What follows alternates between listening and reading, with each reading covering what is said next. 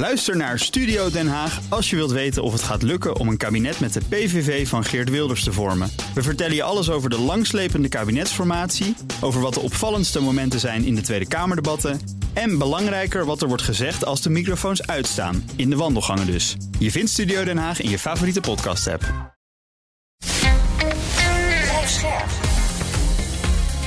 BNR Nieuwsradio.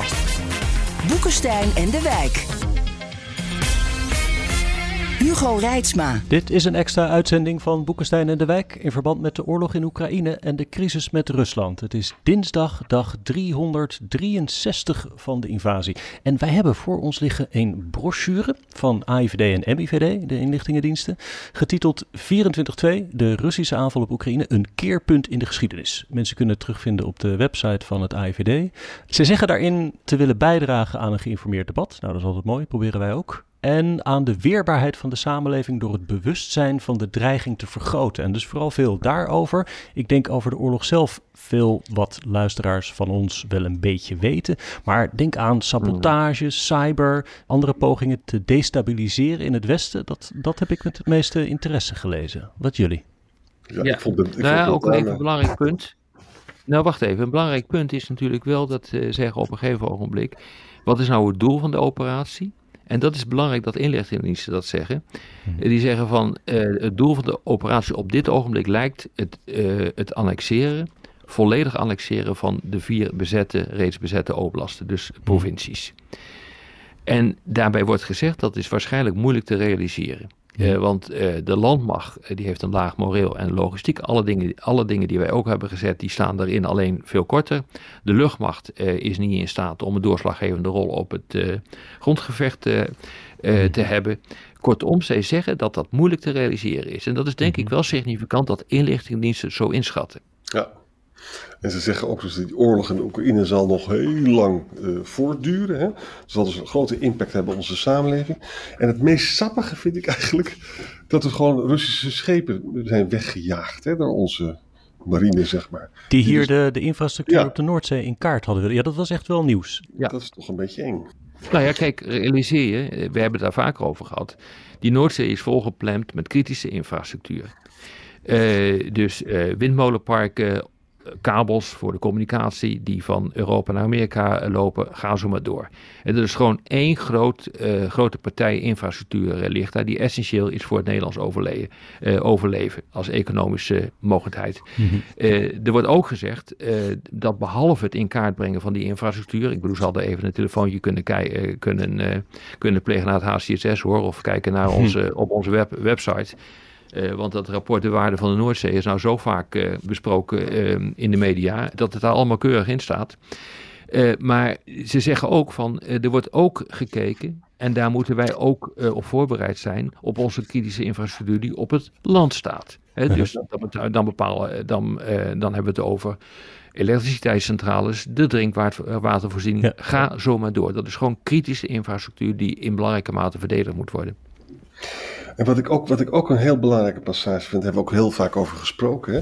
Er zijn nogal wat mensen in Nederland die zijn kwaad op de regering. Hè? Mhm.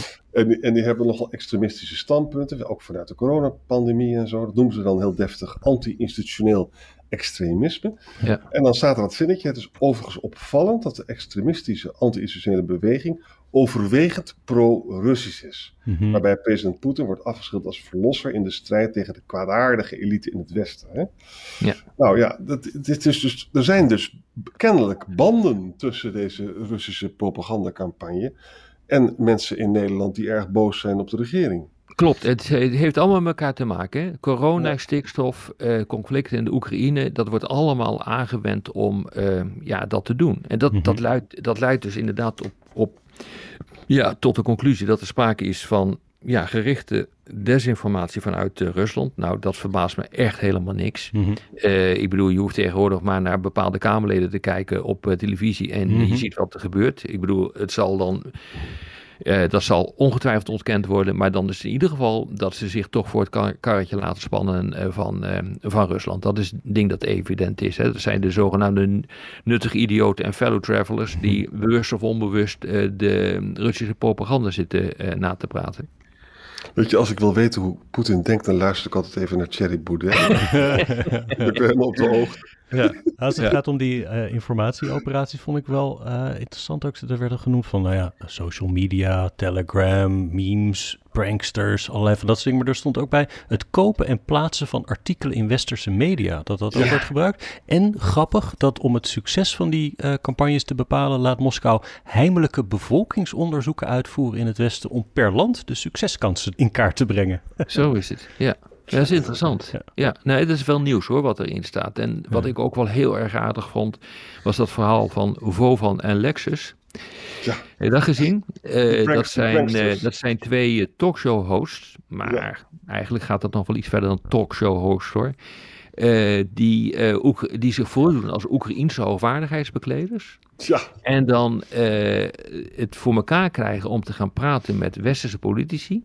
Die ont uitspraken ontlokken en die worden vervolgens in de talkshow uitgezonden. Ja, mhm. dat is wel heel erg heel merkwaardig hoe dat gaat. En vooral in Duitsland uh, wordt dat uh, gedaan. Hè? Ja, Duitsland en, en, Duitsland andere grote landen, las ik. Ja. Nederland staat niet zo op de kaart. Kennelijk nee, vindt Moskou nee, ons nee, maar ook Duitsland, niet het centrum van de wereld. Nee, al, helaas. maar Duitsland dus wel. Dat is wel in deze een van de centra van, van de wereld. Maar van Duitsland weten we ook dat de pro-Russische sentimenten echt heel groot zijn. Die zijn echt heel groot, ja. Die zijn echt heel groot. Zouden we eigenlijk nog eens een aparte podcast aan moeten besteden met een Duitsland-kenner? Want er gebeurt ja. daar gewoon... Kijk, weet je, Thierry Baudet doet er niet toe. Dat is gewoon een hele zielige man. Maar we moeten eigenlijk gewoon eens een ja. Duitse expert hebben... die ons vertelt over al die gevoelens in het voormalige Oost-Duitsland. Ja, Want is daar echt wat aan de hand, hè? Zeker. Hebben jullie trouwens wel die passage gezien over energiepolitiek? Ja. Wat vonden jullie ervan? Je bedoelt die passage, ik ga er even naartoe. Um, oh ja, dat, dat we dus moeten voorkomen. Even kijken, sabotage. Wat bedoel je precies? Nee, nou, ik zal het precies nog even vertellen. Ja? Kijk, uh, er wordt gezegd dat energie wordt door Poetin als energie, als politiek ja. pressiemiddel gebruikt. Ja, ja, ja, ja klopt. En Moskou die stelt uh, de politieke doelstellingen boven de economie op dit punt. Nou ja, ik vind dat redelijk onnauwkeurig geformuleerd. Uh, want uh, het is evident dat uh, Poetin van alles en nog wat gebruikt als politiek pressiemiddel. Ook energie en ook, ehm, laten we zeggen, allerlei andere handelszaken. maar Repower EU is echt een project van de Europese Unie. Ja. dus Repower EU, twee derde minder gas voor het eind van het jaar en die een derde hebben we nog nodig. Mm. Uh, omdat we anders de winter niet goed uh, doorkomen. En die een derde, ja, daar is Rusland wel mee gaan manipuleren. Dat mm -hmm. klopt. Mm -hmm. uh, maar ik heb direct ook gezegd, toen dat plan ehm, gepresenteerd werd, een derde hebben we nog nodig. Wat denk je dan dat Poetin gaat doen met die een derde? Daar hebben we onszelf ook chantabel gemaakt. en dat geldt in wezen ook voor de olieboycott. Ik was er een veel groter voorstander van geweest. Om gewoon in één klap echt alles af uh, uh, te breken op, uh, op energiegebied met, mm. met Oekraïne. Of, en als je dat niet wilde, het maar gewoon op een zacht beetje door laten gaan. En uiteindelijk streven naar een complete onafhankelijkheid van Rusland op energiegebied. Maar dit, hier hebben we onszelf ook kwetsbaar meegemaakt. Hè, mm. dit is een, ik denk dat, we, dat hier het laatste woord niet over is gezegd. En dat in de toekomst ook allerlei onderzoekers gaan kijken van, is dit nou handig gedaan? Nu we het toch over hebben over die energie. Weet je nog dat we bang waren voor diesel? Hè? We hadden een grote voorraad in Nederland. Maar de dieselprijs is nog steeds hetzelfde. Oh ja? Klopt. Huh. Ja, maar dat zegt allemaal niet zoveel hoor. Eerst even kijken waar het vandaan gaan, gaan halen in de toekomst. Want uh, er, is een, uh, er zijn behoorlijke aanwijzingen dat we straks met goedkoop... Uh, dat we diesel gaan kopen uit China en India van hmm. Russische olie. dus even kijken hoe dit gaat lopen. Maar zo far zo goed. Hè? En ik uh, moet zeggen, mm. ik heb grote bewondering uh, voor de enorme inspanningen die het hele Westen, ook de Nederlandse regering, zich heeft getroost. Om ervoor te zorgen dat in ieder geval de leveringszekerheid van uh, olie en gas op peil is gebleven. Dat, dat verdient wel enorme waardering en bewondering hoor, moet ik zeggen. Dat is trouwens wel typisch voor Nederland hoor om daar redelijk open in te zijn. Dat, hm. Dit soort rapporten vind je niet in, in veel andere landen. En dit wordt ook vaak vertaald en wordt geciteerd ook in andere landen. Oh ja?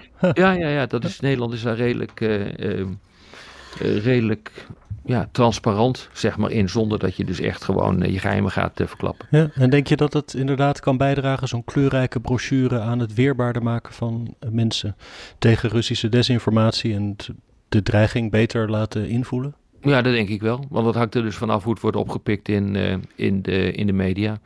En alle, alle kleine beetjes helpen. Ja. In de FT, hè? Netherlands warns of Russian attempts to sabotage its energy oh. infrastructure. Nou, dus voilà. ik heb het niet gezien. Twee uur geleden. Ja, ik heb het niet gezien, maar dat, nou ja, dat is precies wat ik bedoel. Ja, hm is niet niks hoor, als je in de FT staat. Huh? Hey, nog een kleine terzijde, dat was zeggen een beetje de uitsmijter van het rapport. Die zeggen, jihadisten hebben mogelijk meer bewegingsvrijheid doordat de aandacht nu uh, elders oh, ja. En dat is een oh, zorgelijke ontwikkeling, omdat de AIVD in de afgelopen maanden enige toename heeft waargenomen van de aanslagdreiging uitgaande van ISIS richting Europa. Dat je denkt, ja. oh god, hebben we die ook nog? ja, nou ja, dat is wel logisch. Kijk, op het moment dat alles uh, gaat bewegen en uh, dat de aandacht gaat verleggen, dan zie je dus dat allerlei andere groepen uh, ja, meer, meer man, vrijheid van manoeuvre, manoeuvreren krijgen. Ja, dat, dat zien we ook gebeuren. Hetzelfde fenomeen met de, de, de zuidelijke staten. die vroeger onderdeel waren van de Sovjet-Unie en die zich nu in hoog tempo uh, eigenlijk veel losser gaan bewegen van Moskou. Hmm. Dat is precies hetzelfde fenomeen is dat. Hmm. Ja, nu dus de Russische greep in Syrië veel lichter is, om allerlei redenen, hè, is het ook zo dus dat die jihad-strijders hebben wat meer bewegingsvrijheid. Dat staat er geloof ik in, hè? Toch? Ja, daar, daar kwam het op neer. En ze zijn mogelijk in Oekraïne ook een plek waar ze aan wapens kunnen komen. Ja, dan kun je gezellig wapens kopen. Ja, het is een gezellig rapport. Nou, hopende dat wij ook weer hebben bijgedragen met het behandelen hiervan aan de weerbaarheid van al een jaar volgens mij. Oogmerk van Boekenstein en de Wijk, toch? De weerbaarheid vergroten. Uh, zeg ik jullie weer dank. Dankjewel. Tot morgen. Tot morgen. Ook Bas van Werven vind je in de BNR-app. Ja, je kunt live naar mij en Iwan luisteren tijdens de ochtendspits. Je krijgt een melding van Breaking News. En niet alleen onze podcast Ochtendnieuws, maar alle BNR-podcasts vind je in de app. Download nu de gratis BNR-app en blijf scherp.